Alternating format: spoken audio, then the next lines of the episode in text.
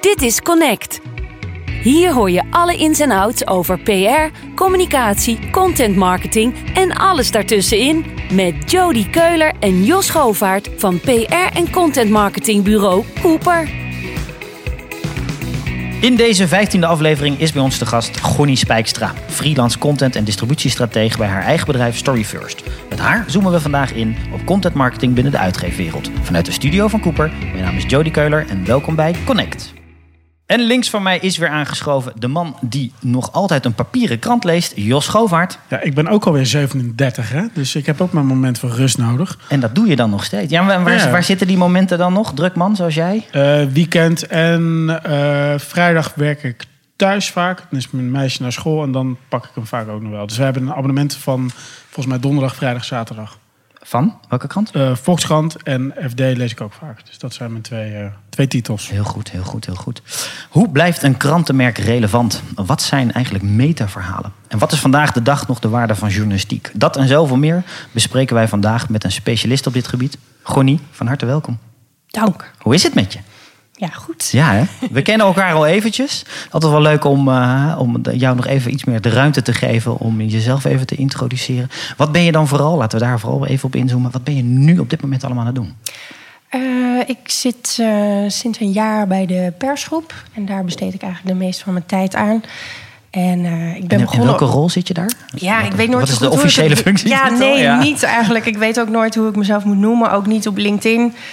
Ehm, ik, ik, toen ik begon bij de Volkskrant, eh, dat was op de redactie. En zij zochten toen een social strateeg.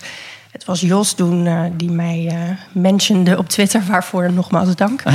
En, ehm, Ja, ik, ik Ja. nog een kistje wijn hoor. Echt? Oh, Ja, ja, goed. ja, zo doen we dat. Ik heb nu niks bij me trouwens, sorry. No. Ehm, maar ja, zij zochten toen een social stratege, omdat ze toen dachten, ja, we kunnen daar meer uithalen. Ehm, en ik denk ook dat het heel goed is om eh, echt te, na te denken, wat doen we nou op eh, YouTube en wat doen we op eh, Instagram. Ehm, maar als je heel erg kijkt naar de kanalen en elke keer kijkt welke verhalen daar goed doen, als je die verspreidt, dan, hou je, ja, dan verlies je eigenlijk uit het oog wat zijn nou precies onze meest onderscheidende verhalen. En het is belangrijk dat je die heel erg goed verspreidt. En dat is wat ik zeg maar story first noem. Dus dat is wel duidelijk. Ja. Ehm, ja, en, en dat eh, ben ik op de redactie gaan doen. Dus eigenlijk gaan nadenken, wat zijn nou onze meest onderscheidende verhalen? En kunnen we daar, ja, zoals we dat noemen, redactionele campagnes omheen bedenken. Ehm, Als je heel en- compact jouw hoofdtaak omschrijft, hoe, hoe, zeg je, hoe leg je dat dan uit in een paar woorden? Ehm, ik ben heel erg de brug, denk ik, tussen de redactie en marketing. Dus ehm, ja, we, ja, eh, ja, om ook marketing, zeg maar, story first te laten werken. Ik vind het altijd heel gek dat we eh, campagnes doen rondom de krant. En dan zeggen we, de Volkskrant is een goede krant. Eh, lees ons voor 2,50 per week. Terwijl we elke dag 60 mooie verhalen hebben waarmee je dat bewijst. En dan wordt er ook nog veel geld uitgegeven op andere platformen om die campagnes te voeren. Terwijl je gewoon elke dag een half miljoen mensen bereikt die lang niet allemaal abonnee zijn. Dus we pakken nu steeds vaker eh, verhalen als uitgangspunt om te bewijzen waar we voor staan. Want is er ook een afdeling, je noemt net twee marketing en je noemt redactie. Is er eentje die je sneller begreep dan de ander? Zit daar, zat daar wezenlijk verschil tussen toen je begon? Ja, de redactie denkt natuurlijk al wel zo. Ik bedoel, ik ben, niet de uitvinder van, van dit idee. Nee. Ehm, maar het is wel, we merken, ik bedoel, de Volkskrant eh, doet al heel veel om verhalen te promoten. Er komt vaak video bij. Ik kan wel een voorbeeld noemen, bijvoorbeeld de serie De Zin van het Leven van Fokke Obbema. Vind ik echt een case uit het boekje. Ehm, hij eh, had een, heeft vorig jaar een hartaanval gehad en dat heel goed overleefd. Ehm, maar hij had mentaal best wel even nodig om daarvan te herstellen. En hij Ja. vroeg zich echt af, kan ik dit weer krijgen? Waarom is me dit overkomen? Nou ja, niet zozeer waarom, maar wat is er precies gebeurd? Wat Ja. was de oorzaak? Ehm, en kreeg een beetje last van eh, existentiële levensvragen. En ja, vroeg zich af waarom ben ik eigenlijk op aard. En eh, hij besloot om dat te, gaan onderzoeken. En nou, elke maandag hebben we daar een interview eh, over. Hij stelt allemaal uiteenlopende mensen die vraag. En nou ja, daar wordt dan bij de aftrap een video over gemaakt en een podcast. En eh, ehm, elke maandag hebben we dus dat interview. Dus daar hebben we een mooie verzamelpagina waar dat allemaal op staat. En we merkten dat er heel veel reacties op kwamen. Dus ook mensen die zeiden, ja, je moet een keer een, een, een eh, retraite, een soort reïncarnatie-retraite volgen. of een dromen-workshop of dat Ja. soort gekke dingen. En op wat voor hoe komen die reacties? Kan je dat plaatsen? Uit wat voor hoek Eh, ja, we hebben hier bij dit verhaal hebben we echt eh, mensen gevraagd om hun ervaring. Oké. Dus Mooi. eh, heb, je, heb je ook zoiets meegemaakt? Of, eh, maar vooral, wat is jouw visie op de zin van het leven? En daar komen hele mooie reacties op. Ja. En ehm, ja, nu gaat er dus bijvoorbeeld iemand... We proberen dat eigenlijk gewoon nou, organisch steeds groter te maken. Dus nu gaat er een redacteur die uh, retraite volgen... en die droomworkshop en daar een podcastserie over maken. Om dat gewoon heel serieus aan te pakken. Om te kijken wat je dat brengt. En mensen zeiden, goh, kun je ons op de hoogte houden? Dus we gaan nu een nieuwsbrief starten... die meer gaat over de zin, over zingeving. Uh, er komt een evenement met de School of Life... Uh, die Fokker zelf gaat leiden. Dus ja, zo proberen we het steeds groter en groter te maken. Ja. Maar, en, en er is ook zoveel meer omheen te vertellen. Ja, weet je, wel? precies. Dus je kan En het ene onderwerp het onderwerp laten zijn, maar het bestaat uit zoveel laagjes. Ja, en dat, Ja. dat, uh, dat ja, we noemen dat een, ja, zo'n redactionele mini-campagne. Ja. Nou, dit is eigenlijk wel best wel een grote geworden. Mooi. Maar het is goed als er iemand daar steeds eventjes op let. Wordt dat nog steeds goed verspreid? Zijn er nog dingen die we nog ergens kunnen uitzetten? Ja. En, en dat is denk ik wel, uh, en dat wordt steeds meer gedaan. Ja. Maar dan moeten er natuurlijk ook resources naartoe. En dat was Ja. natuurlijk lange tijd, was dat in krantenland. eh, ging je dat niet zo doen? Was het eh, kliks eh, en eh, Ja. noem maar op? Ja. Heb, je dat hard, heb je daar veel voor moeten doen? Of was de cultuur was al eh, aan het schuiven? Nee, bij de, bij de Volkshand uh, helemaal niet. Daar, daar, daar gelooft men gewoon in. Oh, dit zijn de mooiste parels. En, uh, Ja, oké. en, en daar gaan we helemaal op zitten. Ja. Ja. Ja. Heb je nu alle kranten wel eens een beetje van binnen gezien? Hiervoor zat je bij de Telegraaf natuurlijk. Ja. Ja. persgroep is AD Volkskrant onder andere. Ja, Trouw, Parool, Ja. eh, de regionale titels. Het FD eh, heb ik wel eens iets gedaan. Ook Ja. een vergelijkbare case met een verhaal. Ja, dus het landschap ken je goed. eh, hè? Ja, ja. Ja. mooi. Nou, zeker ook voor vandaag. Is dat ook de reden waarom je social stratege hebt laten vallen? Omdat het misschien een beetje een rare term is in de, in de uitgeefwereld? Ja, omdat je daar inderdaad op social misschien niet de goede selectie maakt van wat je verspreidt. En ik had dat al een beetje bij de Telegraaf hoor, toen ik social media manager was daar. Dat was nog in de, in de goede tijd van Facebook. En we hadden toen iets van 100 miljoen bereiken per maand. En de directie zei, goh, eh, fantastisch, alle ballen op social. En zelf kreeg ik daar een beetje naar gevoel. Ja, precies. Omdat, Ja. Ik kan me een presentatie herinneren met de titel Fuck je Facebookpagina en zo. Dat soort dingen. Je kent, je kent ze wel. ja. Ja, dat ging meer over eh, bouw nou vooral op eigen grond en word niet te afhankelijk. Maar daar werd Nou ja. ik heel, heel erg bang voor. En vooral Was dat omdat. terecht? Ja, dat Ja. denk ik ook. En vooral omdat eh, wij gingen steeds meer schrijven voor Facebook. Dus eh, nou ja, echt totaal niet relevante verhalen over een eh, bejaard echtpaar in Nieuw-Zeeland. dat op dezelfde dag stierf. En eh, een olifantje dat tien jaar gevangen was. en toen werd vrijgelaten en een traan liet. Ja, dat soort dingen werken. Ook maar, belangrijk. Maar, ja, ja, maar wat, ja, wat voegt dat nou toe aan, aan je merk? En daardoor snappen mensen juist niet meer waarvoor ze bij jou moeten zijn. Dus komen Ja. ze helemaal niet meer direct naar je toe. Ja, waardoor je nog meer afhankelijk wordt van Facebook. Ja, dus ik ben daar toen ook een eh, project gestart. Waarbij we hebben gekeken waar staat de Telegraaf nou echt voor en wat is onze missie. Zodat je ook duidelijker kan selecteren. Deze verhalen doen echt iets voor ons merk. Ja. Ehm, dus die moeten we groter maken. Dat zijn meestal niet de verhalen die het heel goed doen op Facebook. En daar speelde social natuurlijk wel een rol. Dus daar zat wel Ja, iemand slim. bij van... Goh, hoe kunnen we dat nou eh, het beste verspreiden? Ja. Maar ook eh, wat voor eh, vragen stellen mensen nou... en wat voor verhalen zouden we dus nog meer hierover kunnen maken? Ben jij nog net zo enthousiast over social media als tien jaar geleden? Nee, ik denk het niet. Nee. Nee, nee. Ken jij iemand die dat wel is? Ja, precies. Nou ja, je zit Ja. er zo in, dan krijg je zo'n titel, of dan heb je zo'n titel gehad, social media manager. En dan, dan denk je, jeetje, in deze tijd met wat er allemaal speelt. Wat voor, de belofte was zo mooi, Ja. maar kijk waar we nu staan. Dat gevoel kan je dan een beetje begrijpen, toch? Dat, ja. Ja, Ja. en eh, Facebook belooft wel steeds dingen van... Goh, we, gaan echt voor de kwaliteitsdingen. En eh, ja, de, de afzender wordt steeds belangrijker. En, en het gaat om dingen waar mensen echt een ja, time well spent. Ja, dat is allemaal loze beloftes, want nog steeds eh, werken mechanismes als elkaar taggen nog steeds het beste. En ik denk, Ja. ja, Ja, gewoon geld. Ja. Geld pompen. ja, Ik bedoel. ja, Ja, nou ja. ja. Hey, je hebt een aantal afleveringen teruggeluisterd, weten we, weten we Ja. ook. Eh, bij eh, dit interview gaat langs de as van een aantal stellingen. Eh, tijd voor stelling 1 ga ik dan ook maar meteen, eh, ik ga meteen, eh, meteen opvoeren. Veel kranten en andere nieuwsmedia bieden hun content verkeerd aan. Graag van jou een eens of een oneens. Ja, je bent heel streng, hè? Ja, ja. Mm, ja, oneens, maar ik zou wel een aanbeveling willen doen. Oké. Nou, leg eens uit. Waarom ben je het er niet mee eens? Nou ja, ik, ik- nee, ik, ik denk niet dat, eh, dat, dat ik dat zou durven zeggen. Gaat het dan heel goed met het aanbieden van de content? Ehm, in principe gaat het goed, maar ik denk dat, ehm, dat media het nog wel meer zouden kunnen verkopen. Ja. Ehm, wij, eh, bij de Volkskrant hadden we voorheen altijd eh, bijvoorbeeld een reportage uit Jemen. Dan hadden we daar eh, het verhaal in de krant en dan zetten we daar gewoon als bijlijn dan Jemen neer. En dan eh, ging men er wel vanuit dat lezers begrepen. Oh, bijzonder. Daar zit een correspondent van de Volkskrant in Jemen. En daar komt het verhaal vandaan. Ja. En dat, dat gebeurt nu veel explicieter. Er komt dan bij zo'n verhaal in de krant iets over. hier was een Midden-Oosten correspondent Anne van S. Als eerste westerse journalist voorbij de frontlinie. Eh, dat deed ze zo en zo. Dat was heel gevaarlijk, kostte heel veel moeite. Eh, maar hierom vonden we dat wel heel belangrijk. En daarmee verkoop je een verhaal echt. En we hebben Ja. dat ook wel getest. eh, dan wel op Facebook, omdat je het daar makkelijk kan testen.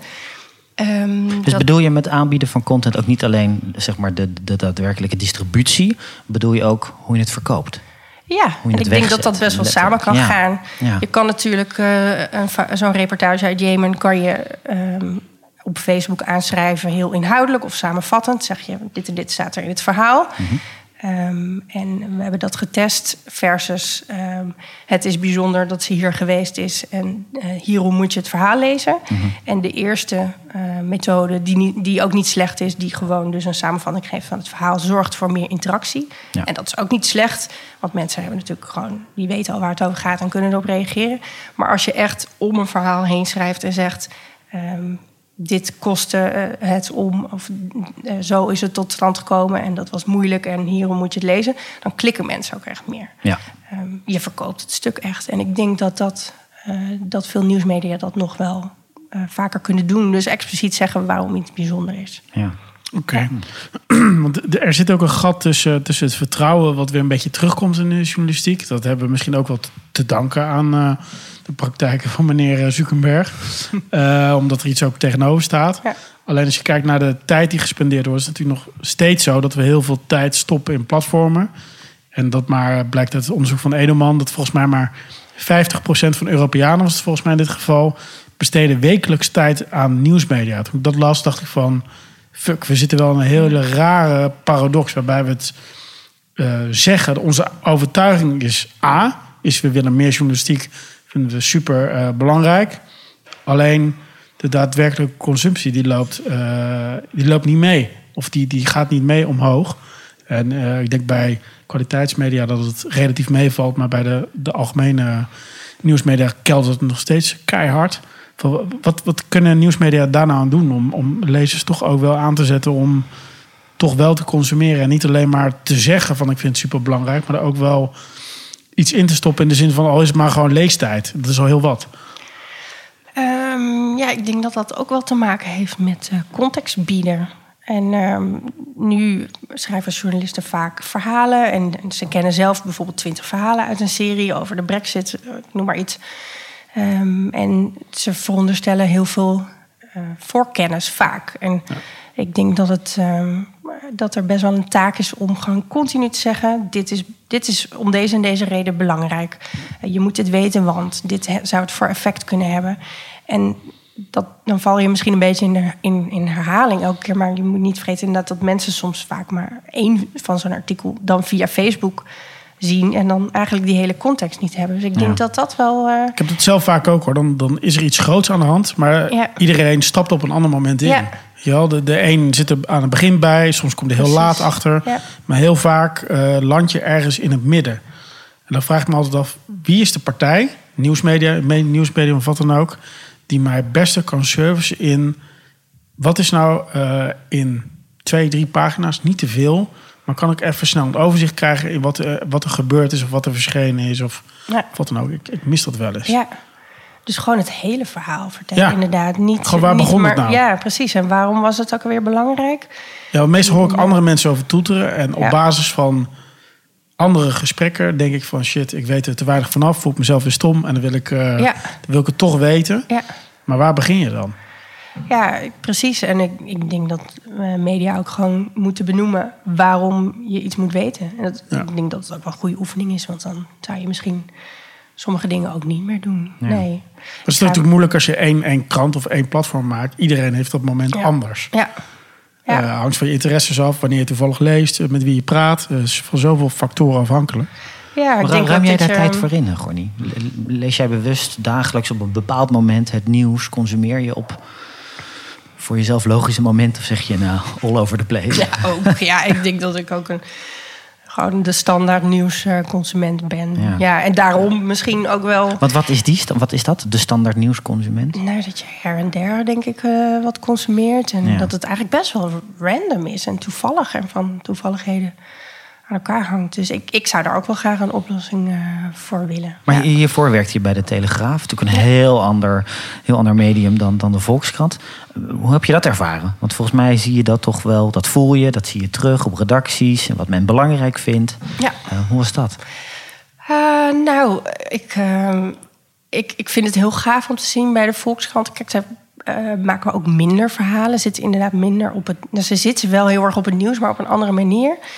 Eh, eh, de Telegraaf maakt geloof ik 400 artikelen per dag en de Volkskrant ongeveer 60. En eh, dat komt omdat de Volkskrant heel streng selecteert. Ze, ze schrijven niet over alles. Ze schrijven niet over bijvoorbeeld vermissingen die op zichzelf staan. Het moet voor de Volkskrant staan voor iets groters. Eh, en als ze dan iets hebben geselecteerd als nieuws, dan plaatsen ze liever niet alleen maar het nieuws ehm, als puur nieuws, maar voegen ze daar liever iets aan toe. Eh, zoals een analyse of een interview Ja, of een, gevolg. reconstructie. Ja, precies. dus ook al wel wat meer de context eromheen. Eh, maar 50% van de verhalen zijn eigen verhalen. En ja, eh, de bovencategorie, de, de, de echte parels, daar wordt ook zoveel tijd aan besteed. En daar zijn zoveel mensen bij betrokken. En dat is wel echt heel gaaf om te zien. Er zitten dan, ja, er, wordt, er zijn misschien soms wel twintig mensen met één verhaal mee bezig om. Eh, misschien datavisualisaties erbij te maken. Een developer die een speciale productie maakt. Eh, er zijn eh, mensen van de verspreiding ja, die sparren gewoon rustig een uur over de beste social text, de beste manier om het aanschrijven. Ja. Ja. er wordt gewoon heel veel tijd en energie en liefde in, aan, aan ja, verhalen. Als, je, als jij je werk nou heel goed voor elkaar wilt krijgen, wat heb jij dan vooral nodig? Wat, wat zoek je dan bij die uitgevers? Is dat tijd? Is dat geld? Is dat een visie? Is dat... Nou, ik denk vooral eh, de drijfveer om te zeggen: dit is nou echt ons belangrijkste verhaal. En ja, dit moet zoveel mogelijk mensen weten. Ja. En wel hier en hierom. Ik denk dat dat ongeveer het belangrijkste is. Ja, maar soms kom je ook iets heel plats tegen. Dat je denkt, jezus. Maakt jou dus doen uit wat dat? het verhaal is? Nee, eigenlijk niet. Nee, nee, nee. Nee, maar dat, dat lijkt me een voordeel als je dat Ja. niet uitmaakt namelijk. Als Nee, je dat, ik, ik, ik- eh, als, als iemand mij kan uitleggen... Ik vraag wel eens, goh, waar, wat is nu het verhaal waar jullie het nu over hebben? Weet je wel, bij de koffieautomaat. Of waar jullie anekdotes over vertellen. Van, oh, hier verheug ik me op. Of dit is bijzonder. Wat, wat vertel je op een verjaardag? Ja, als daar een antwoord op komt, dan, dan denk ik... Ja, gaaf. Ja. Eh, dat, dat, moet- dat, dat moet iedereen weten. Dat Ja. moet toch gewoon echt... eh, Maar er wordt ook een hoop troep gemaakt. Helaas. Nou, bij de Volkskrant niet. Nee. nee. Nee, dat snap ik. Ja. Nou ja, en, en, en, je moet natuurlijk als titel een, een duidelijke missie hebben ook, denk ik. En als je, als je dat ook voelt en, en een verhaal voldoet daaraan, dan klopt het ook echt. En eh, Ja. ja. ik vind wat dat de, de missies van Telegraaf en Volkskrant zijn natuurlijk eh, ook heel anders. Ja. Ja, He- Heb jij ze allemaal scherp van alle, van alle, alle krantentitels? waar ze voor staan? Is dat voor jou helemaal duidelijk? Nou, niet van allemaal, denk ik. Noem, Maar- noem er eens één waarvan je denkt, nou, daar heb ik nog steeds een vraagteken bij. Oh, ja. Ja, NRC denk ik misschien. Of zo. Ja, maar dat komt misschien omdat ik daar zelf niet Ja, dat kan. heb gezeten. Ja, bij deze ja, jongens. Ja. Ja, ja, ja, Dames en precies. heren, bel haar. Dat is nog de enige, ja. Eh, maar ehm, ja, de Telegraaf heb ik echt een project voor opgezet. Maar het lijkt me dat jij daar heel, met heel veel aandacht toch mee bezig bent. Dus als het voor jou niet duidelijk is, dan hebben ze inderdaad nog werk aan de winkel. Dat- Ehm, ja, dat zou kunnen. Ja, ik probeer daar altijd wel eh, achter te komen. Ja. Om met, veel met journalisten te spreken. Waar, ja, wat is nou jouw drijfveer? Eh, wa- wanneer eh, wil je extra energie in een verhaal steken? Ja, soms zijn ze natuurlijk ook gewoon een jaar bezig. Weten ze niet of er iets uitkomt. Ja, dan moet je wel het gevoel hebben dat je het ergens voor doet. Dus Want voel je dat binnen een dag of dat klopt op een redactie? Dat, dat ze gaan voor een soort vanzelfde doel? Nee, dat, daar heb je wel even voor nodig. Ik heb zelf ook veel. ehm, eh, ja, en, en, en de ene zegt ook iets anders dan de ander. Maar op een gegeven moment ontdek je wel een soort van rode lijn. Bij de Volkskrant eh, antwoorden heel veel mensen. Als ik vroeg van, maar waarom is, een verhaal, is jouw verhaal nou Ja. 13 maanden onderzoek waard? Dat ze eigenlijk allemaal wel zoiets zeggen van, ja, ik wil het nieuws invoelbaar maken eh, voor mensen. Dus dat mensen ook voelen wat de impact is. En dan waarom dan? Waarom vind je dat dan belangrijk?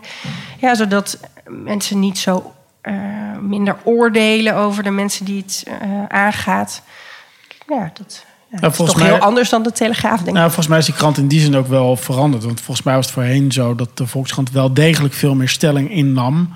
Vooral linkse stelling. En ik heb de krant wel zien veranderen naar iets meer.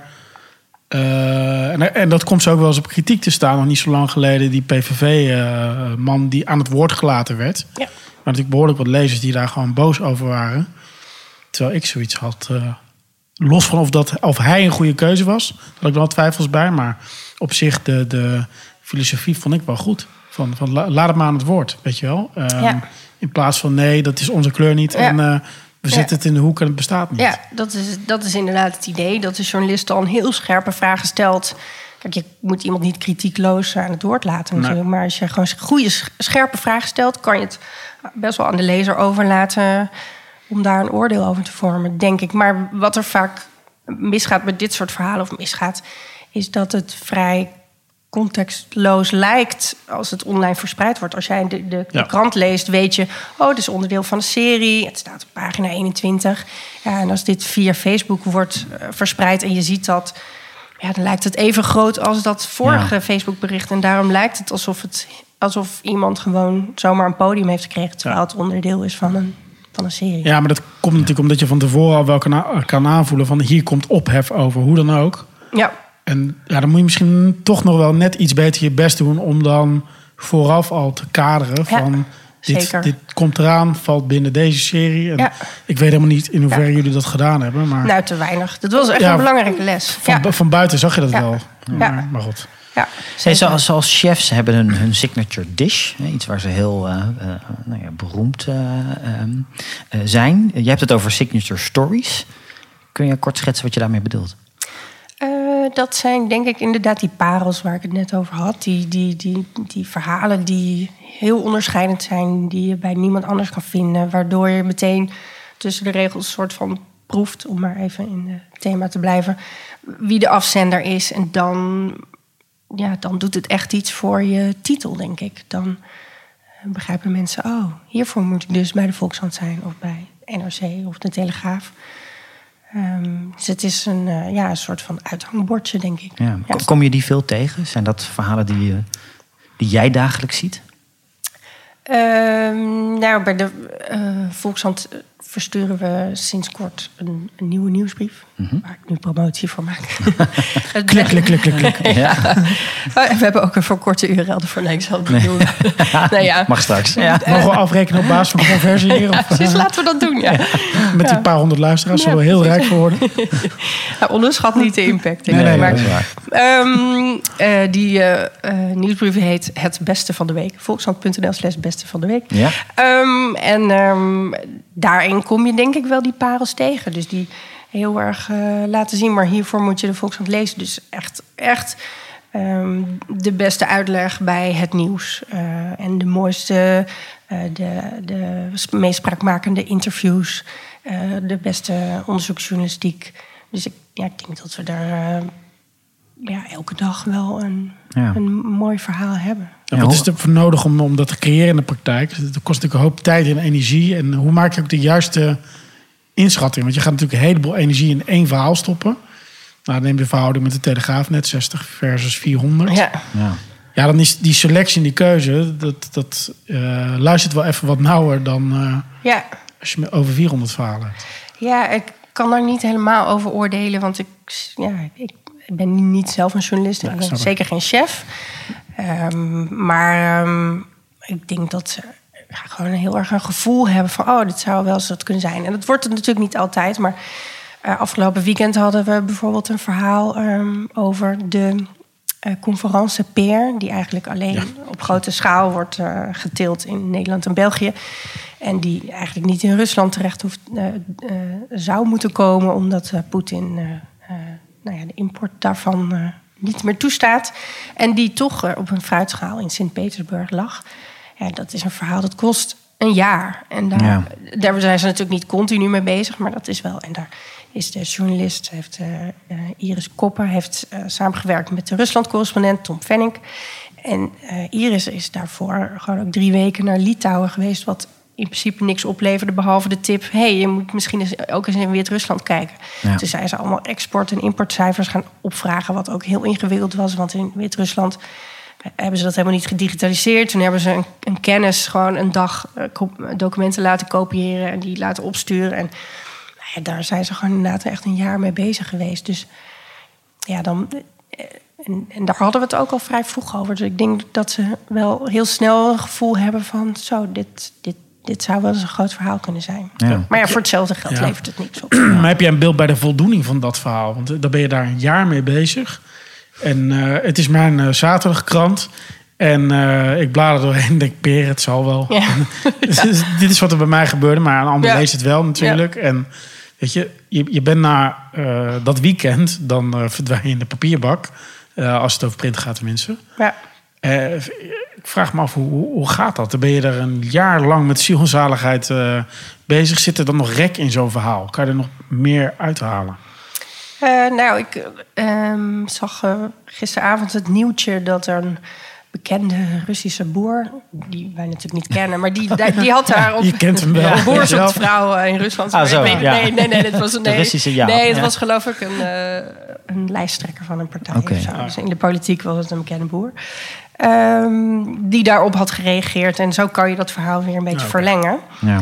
Maar ehm, ja, hoe meer impact, hè, hoe fijner voor een journalist natuurlijk. Je wilt liefst dat het iets losmaakt en dat het iets doet. Maar ik denk dat het ook wel aan ehm, de afdelingen eh, van verspreiding en crossmedia is om dan te denken, maar ook al zouden veel mensen in eerste instantie daar aan voorbij bladeren. Ehm, het is wel belangrijk dat we ook laten zien dat het een belangrijk verhaal is. Dus Ja. we zorgen, nou, ehm, er wordt vandaag dan een podcast over opgenomen. Ehm, er is geen video bij gemaakt, maar eh, wel een hele mooie special met prachtige animaties. Waardoor je wel als lezer eh, enigszins wel begrijpt van... oh, dit is niet zomaar een verhaal, maar misschien moet ik hier ehm, wel even mijn tijd aan besteden. En we, we proberen dat ook wel explicieter te maken met een verhaal over het verhaal. Dus hier Ja. is ook een zogenaamd meta-verhaal Ja. eh, over gemaakt. Werd je geïnspireerd door buitenlandse media toen je met het idee kwam van, van, van signature stories? Eh, zag je andere titels internationaal dat doen? Nee, ik heb het eigenlijk gewoon eh, eh, simpelweg gejat van het Google-model. en eh, ja. en wat is het? eh, Hygiene Hub Hero. En Ja. dit zijn Ja. de heroes. Alleen Ja. ik kom op Het is gewoon die bovenlaag, maar Ja, je dacht, ik ga daar iets anders... Ja, ja, goed ja en, ik bedoel, op redacties moeten ze vaak niks hebben van, eh van Google-taal. marketingjargon. Ja, eh, nee, precies. Dus Ja. ja, ik kom alleen vaak op eh, vier lagen uit Ja. bij uitgevers. Oké, Ja. oké. Hey, stelling 2. We gaan door naar de volgende. Eh, de stelling luidt: alle grote Nederlandse kranten gaan het redden. Een eens of een oneens gooien. Eh, bedoel je echt als printmedium of als gewoon als, als merk? Nou, Als laten we printmedia's pakken. Gaan ze het allemaal redden? Ehm, nee, ja, nee, ik denk het niet. Nee, oneens. Oké, ze gaan het niet redden. Nee. En waarom dan niet? Omdat eh, nou, de meeste abonnees van kranten zijn wat ouder dan 37. Dus dat, Dankjewel. Dat eh abonneebestand, dat, eh, dat, dat sterft Ja. gewoon letterlijk uit. Ja. Ja, Ja. ja. Maar online... ehm, Is dat het grote probleem wat ook ergens onomkeerbaar is? Dat is gewoon, daar krijgt iedereen mee te maken. Het gedrag verandert. Ehm, ja, ik heb wel laatst een van, onderzoek gelezen dat eh, jongeren weer zich vaker wenden tot eh, nieuwsmedia. Maar daar stond volgens mij niet bij of ze dat doen eh, op print of online. Mhm. Maar eh, ik denk dat het misschien wel in een ja, meer printachtige vorm zou moeten. Ehm, waarbij ik nog eigenlijk geen enkele titel heb gezien die, die online een krant benadert, zeg maar. Ja. Ja. Ja. Wat, je, wat je offline natuurlijk hebt, is de, de bredere scope der dingen. Eh, de selectie die voor, die voor jou gemaakt wordt door Ja. een set journalisten. Online, hoe, hoe kwalitatief het ook gedaan is, is altijd een vorm van een algoritme of iets anders. Eh, en vaak ook heel erg gestuurd door jezelf. Jij zelf kiest ervoor om Ja. te klikken. Ja, Als je de klant he- door de krant heen bladert, dat werkt wel anders dan zelf klikken. Weet je wel? Alleen dat al. ja. Ja, zie dat online maar eens te... Ik, ik zou Ja. niet zo goed weten hoe je dat moet, moet doen. ja exact Dan, dat. dan moet je zelf echt de overtuiging hebben van... ik wil geen filterbubbel Ja, of zo. Of ik, ik, ik realiseer me mijn eigen filterbubbel... en daardoor ga ik me ja, anders gedragen. ja, een krant is gewoon een geheel of zo. En daardoor, eh, je weet hoe, op welke pagina het staat. hoe- Dus hoe belangrijk het is. Je weet hoe groot de kop is. Je ziet dat, inderdaad, ondanks dat je niet op, ergens op klikt... kan je toch iets scannen, ergens van meekrijgen. Je weet, oh, dit is, tenminste als je een vaste lezer bent... oh, dit is, dit is de auteur, dus dan moet ik, kan ik dit zo plaatsen. Oh, dit staat in dat katern, dus dat zal wel een beetje eh, met een knipoog bedoeld zijn. Het geeft je zoveel meer context als je iets in zijn geheel leest. En dat is online gewoon heel anders. En ik denk dat heel veel eh, kranten nog al wel eh, online first verspreiden. Dus ze hebben een verhaal en dan is dat helemaal niet meer erg om dat gewoon s'avonds al online te zetten en s ochtends pas in de krant eh, te hebben. Maar er wordt eigenlijk heel weinig eh, online first geschreven. Dus een, een verhaal wordt nog altijd met een kop en een staart voor, voor, voor de krant geschreven. En al die losse verhalen, of ze nou in het magazine staan of in Sir Edmund of in de krant, worden allemaal naast elkaar gezet. En ja, het is eigenlijk een soort van gekke verzameling van losse Ja. verhalen. Die aan elkaar veel meer betekenis hebben dan, dan los. En ehm, ja, ik denk dat daar, dat, dat daar nog wel een slag gemaakt kan worden. Hoe weet ik niet exact. Hoor, maar- Heb je daar een idee bij? Wat, wat zou een logisch eerste experiment zijn? Want je gaat natuurlijk niet cold turkey, ja. eh, cold turkey om. Dat snap ik ook wel. Nee.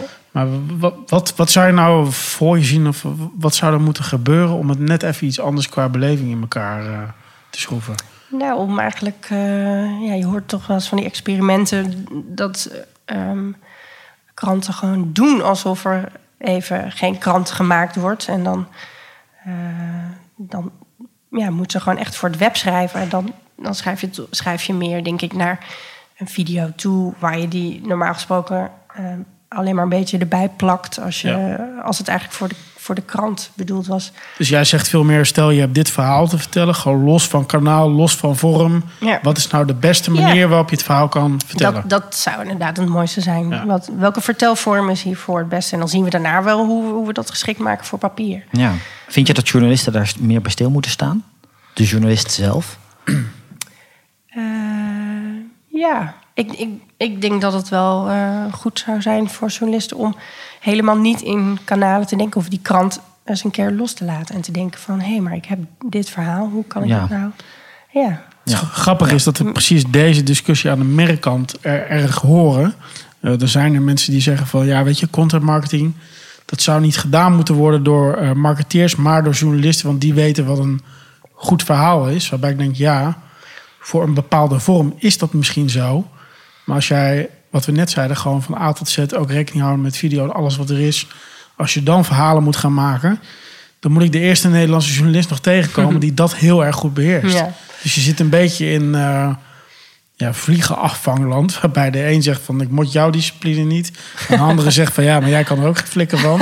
En eh, dan kom je niet verder, weet je nee, wel? nee, nee. Maar ja, dat, ja ik, denk, ik denk dat eh, eh, er meer merk in de journalistiek kan, maar dat eh, er wel betere verhalen inderdaad. Kon, ja, denk ik. Ja.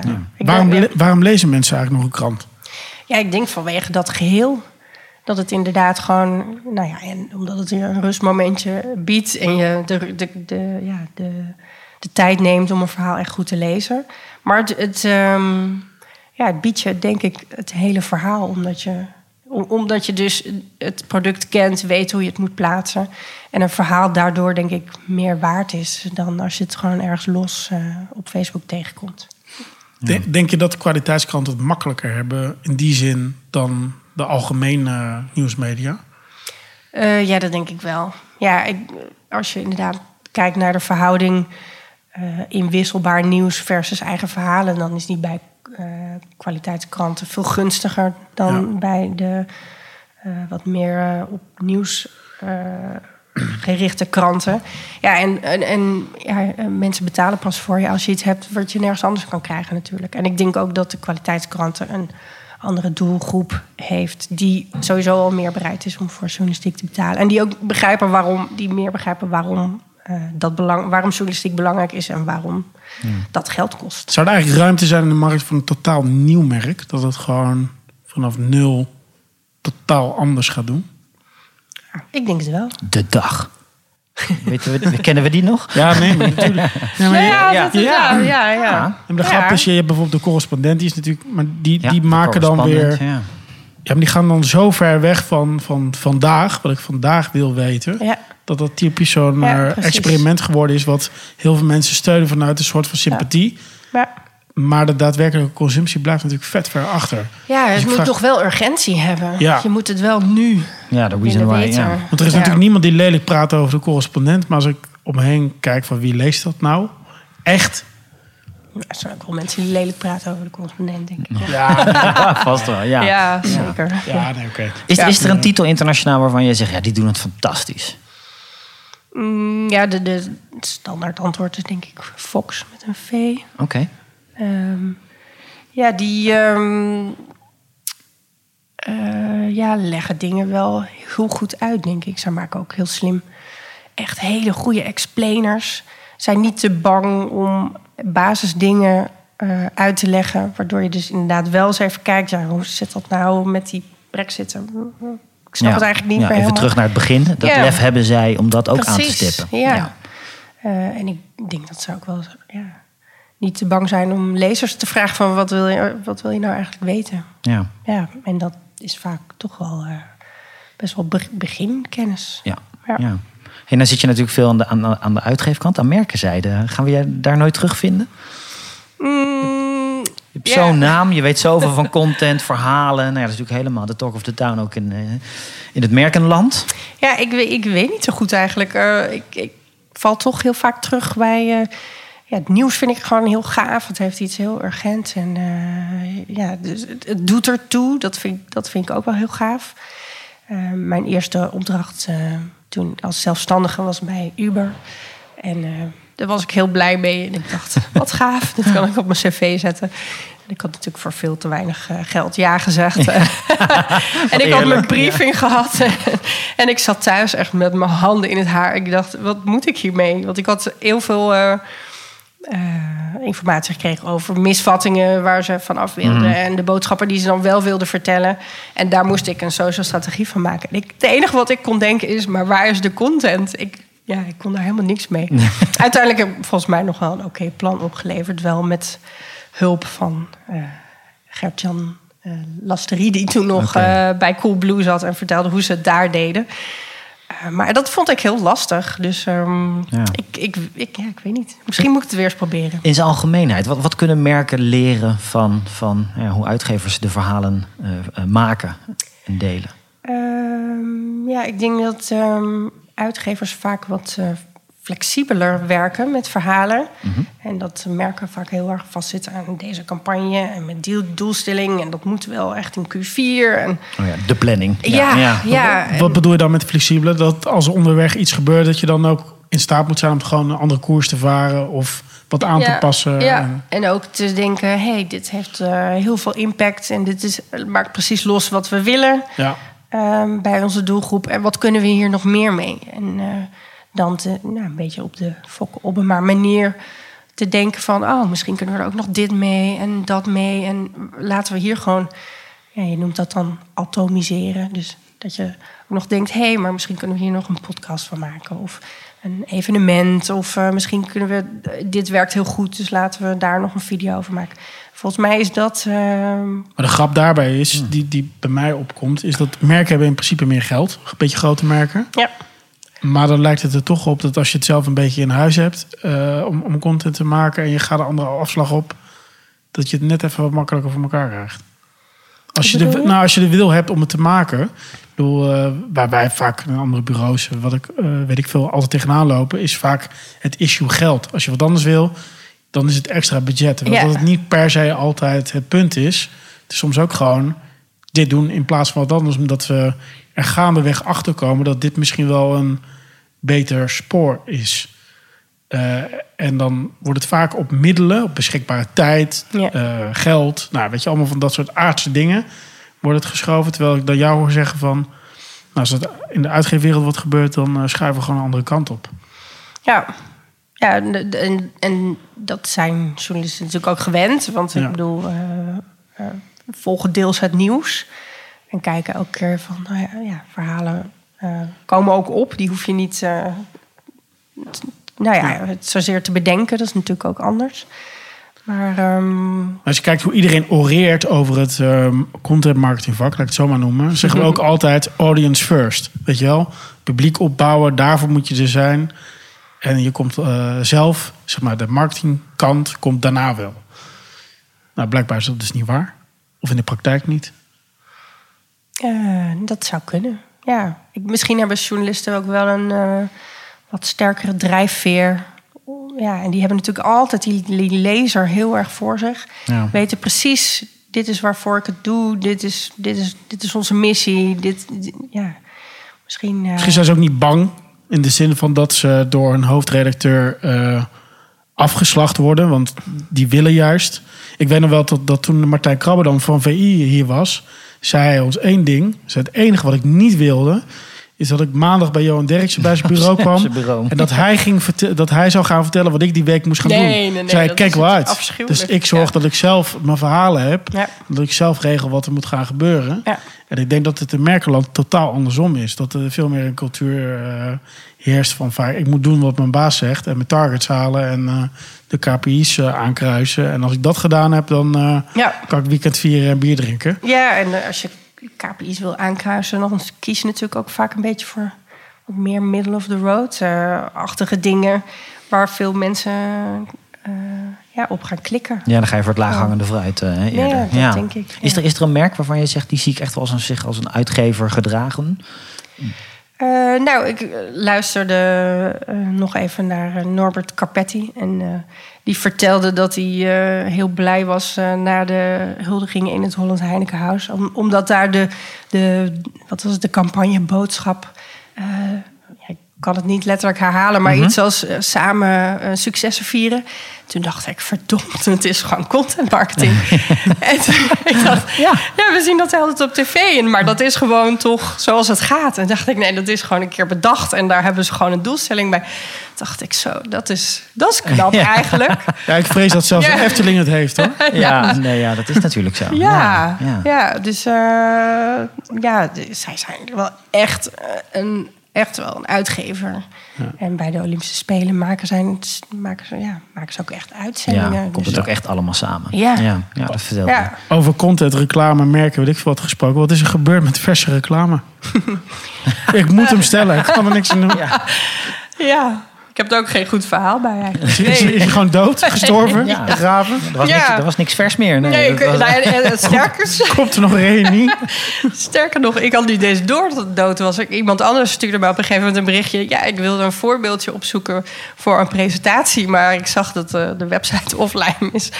Dus, eh, en dat is nog steeds zo. Dus ik heb nog steeds niet eh, de moeite gedaan om te uit te zoeken waar dat door Ja, dat komt. dat hoorde bij die fase en nu eh, Ja. doen we wat anders. Maar ja, ik vond, vond het blijkbaar ook niet belangrijk genoeg. Ik heb ook al vier jaar niet meer iets opgeschreven. Nee, Nee, Het was wel leuk om te doen, toch? Mega Ja. leuk. Ja, Ja. Ik, die publiceerknop indrukken en een nieuw stukje erop zetten. En Ja. dan- ja, is mega leuk. Dat is Ja. altijd gaaf. Ja. Ja. maar helder. Hey, Ja. Tijd voor de, voor de derde stelling. Eh, de laatste en eens of een oneens van jouw kant. Journalisten worden belangrijker dan de titels waar ze voor schrijven. Oneens. Oneens. Shit, ik ook. Laat ik dan beginnen bij Ja, jou. dan zijn we klaar.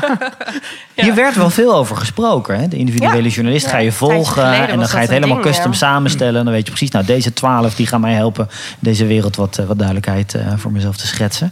Ehm, vertel, hoe kijk jij daarnaar? Ehm, eh, ja, je, je, je schrijft natuurlijk altijd voor een titel, denk ik.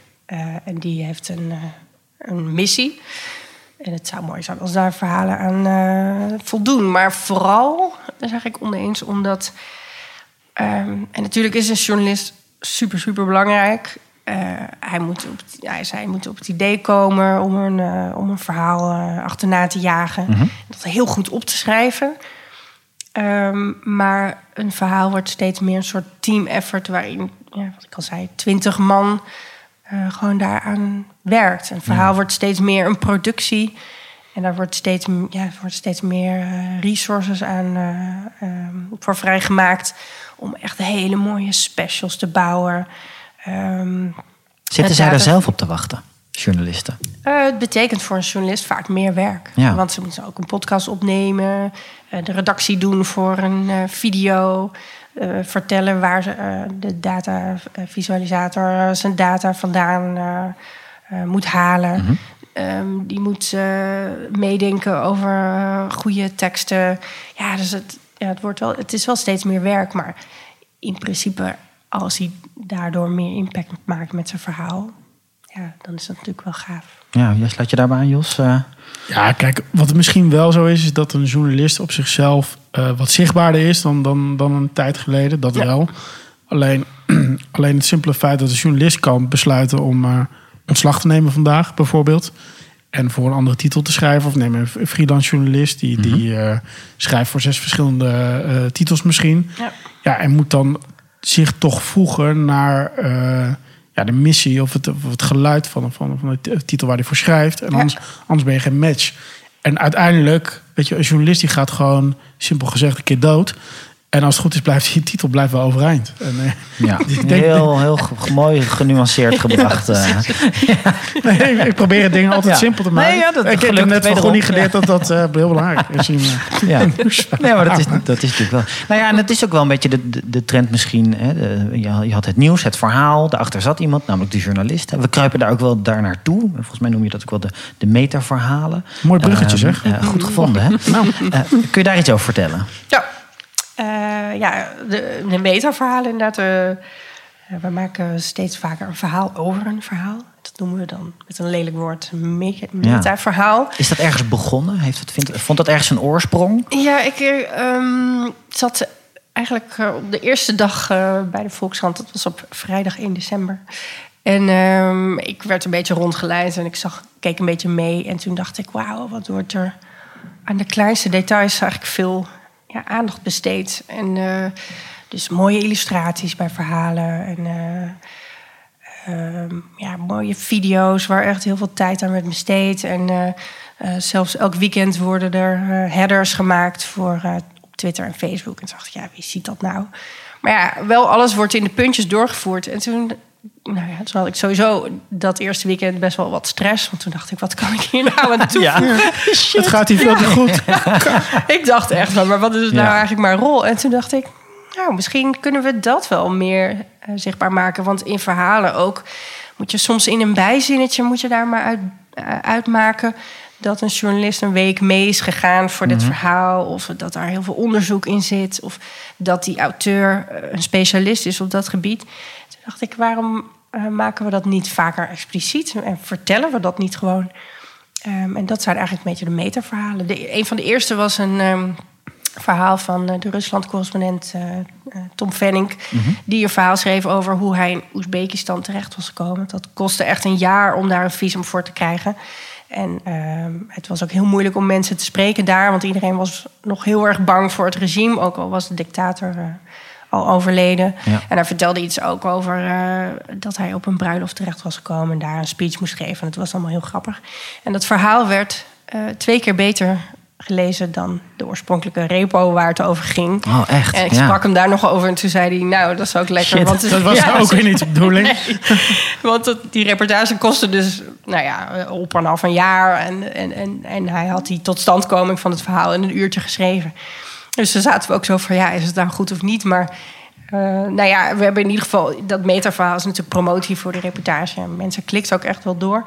Eh, maar we hebben gewoon meer mensen eh, geïnteresseerd gekregen in Ja. Oezbekistan. Dus Maar hoort, dat, zo'n metaverhaal, hoort dat dan ook een beetje bij de tijdsgeest waarin, waarin we zitten? Dat we het verhaal achter het verhaal ook willen weten, dat we daar nieuwsgierig naar zijn? Wat speelde daar? Nou, ik denk wel dat mensen steeds meer eisen gaan stellen aan... Goh, maar hoe, hoe is dit onderzoek nou precies Ja. gegaan? Waarom heb je deze keuzes gemaakt? Dus het is ook een soort van verantwoording plus.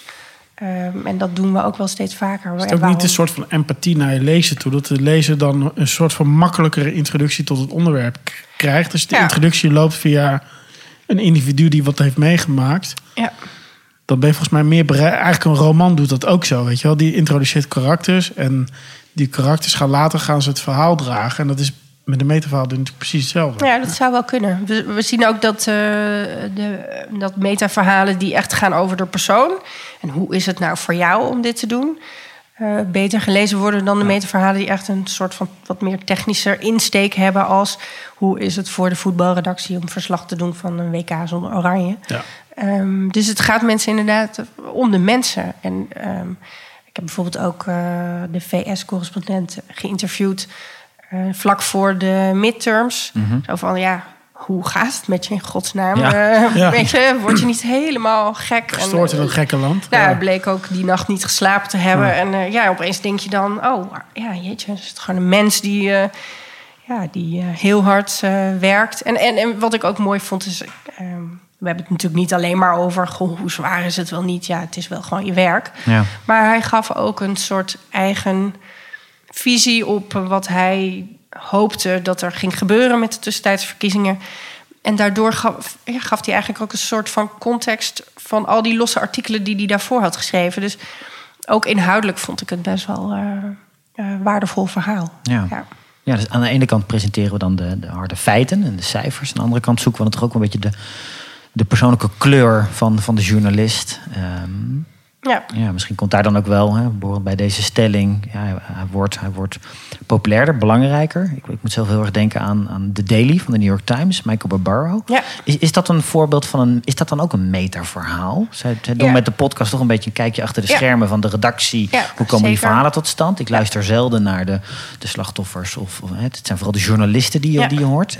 Ja, hij neemt inderdaad je eh, wel echt een beetje mee. Bijvoorbeeld eh, die, die scoop die ze hadden over het geld van Trump. Ja. Dat ze dan al die journalisten inderdaad Ja. even... Het was een jaar lang ook Ja. uitpluizen en Ja. eh, alle geldstromen. Ja, die maak ik veel reclame, maar ook het Volkskrant Geluid, de, de podcast, is ook heel erg. eh pak ze ook. Volgens mij wordt dus vandaag inderdaad een eh, verhaal opgenomen over de podcast opgeno- opgenomen over de, die, die peer. Dus ga het luisteren, Jos. Ja. Herkansing, herkansing voor de peer. waarom, eh, waarom dat nou belangrijk is en eh, hoe, hoeveel tijd dat heeft gekost. Dus Ja. ja, ja, ja ik vind dat wel. En ik, ik- soms denk ik ook wel eens als ik even weer op, op een beetje advocaat van de duivel s- speel voor mezelf. Van ja, het is toch gewoon inderdaad alleen maar promotie van het verhaal. Maar ja, daar luisteren wel elke week eh 8.000, Ja. 9.000 mensen. eh, En, eh, naar- luisteren jullie naar de Daily? Luisteren we allemaal? wel regelmatig. Niet elke dag, maar... Nou ja, kijk, eh, je kan natuurlijk een artikel lezen over de geldstromen van Trump of over een enorme, enorme eh, bosbrand in Amerika waar Californië last van heeft. Maar als je dan hun productie hoort, wat het dan toch is, Ja. en je krijgt die audiofragmenten mee, Ja. ja, dat komt wel anders binnen. Dat vind ik zo knap. Het is echt ook een verrijking hoe je, hoe je, hoe je het verhaal tot je krijgt. Ja, het blijft veel meer hangen. Ja. Het is net alsof je bij iemand aan tafel zit en, en, en hoort hoe dat dan ging en ja, hoe dat verhaal liep.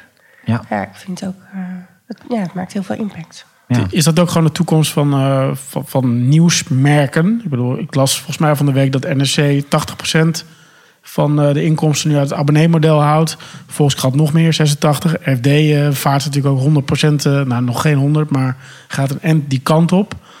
Ehm, ja, dan moet je wel, eh, want de krant kost best wel geld, weet je. Dat zijn wel serieuze abonnementsprijzen eh, nadat de introductiekorting verlopen is. Dat klopt. Ehm, ja, hoe, hoe zorgen die merken er toch voor dat, eh, ja, weet je, dat, dat je dat in de toekomst ook nog gaat betalen? Dat Ja, is best ik- een vraag, denk ja, ik. Ja, ik, dat wordt wel ingewikkeld, denk ik. Ja, want voor ja, een krant, ja, je hebt er maar één of twee inderdaad. Dat je, en een wat populairdere krant, eh, of een wat meer massakrant neemt. En een, en een nichekrant, zoals het FD. Ja. Maar online eh, is misschien jouw, eh, eh, jouw, hoe zeg je dat, jouw patroon wel eh, verdeeld over eh 20 of 200 titels in een maand. Ja, dan moet je wel van, van goede huizen komen als krant om dan alleen maar voor jouw krant eh, een bepaald bedrag per maand te laten betalen. Dus ja, dat, dan moet je wel echt iets heel erg goeds bieden. Maar ja, je ziet wel dat eh, dit soort kranten, zoals inderdaad NRC en, eh, en de Volkskrant, wel echt een switch maken van. Nou, voorheen maakt het inderdaad niet uit waarmee je pageviews haalde. Want een pageview is een pageview dan zet je drie banners op en dan komt er geld. Maar nu maakt het dus wel uit welke, wat voor verhalen je maakt en welke je het beste verspreidt. Ja. Ehm, en ik kan me zo voorstellen dat misschien in de toekomst er nog minder verhalen gaan, gemaakt gaan worden, maar dat die verhalen wel echt heel goed zijn.